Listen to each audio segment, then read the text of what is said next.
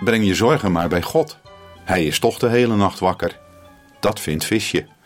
Ze zegt dat God er altijd is en altijd naar je luistert.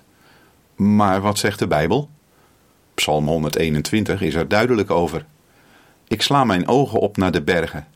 Van waar komt mijn hulp? Mijn hulp komt van de Heer, die hemel en aarde gemaakt heeft. Hij zal je voet niet laten wankelen.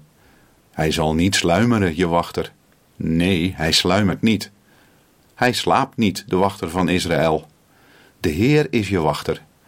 De Heer is de schaduw aan je rechterhand. Overdag kan de zon je niet steken, bij nacht de maan je niet schaden. De Heer behoedt je voor alle kwaad.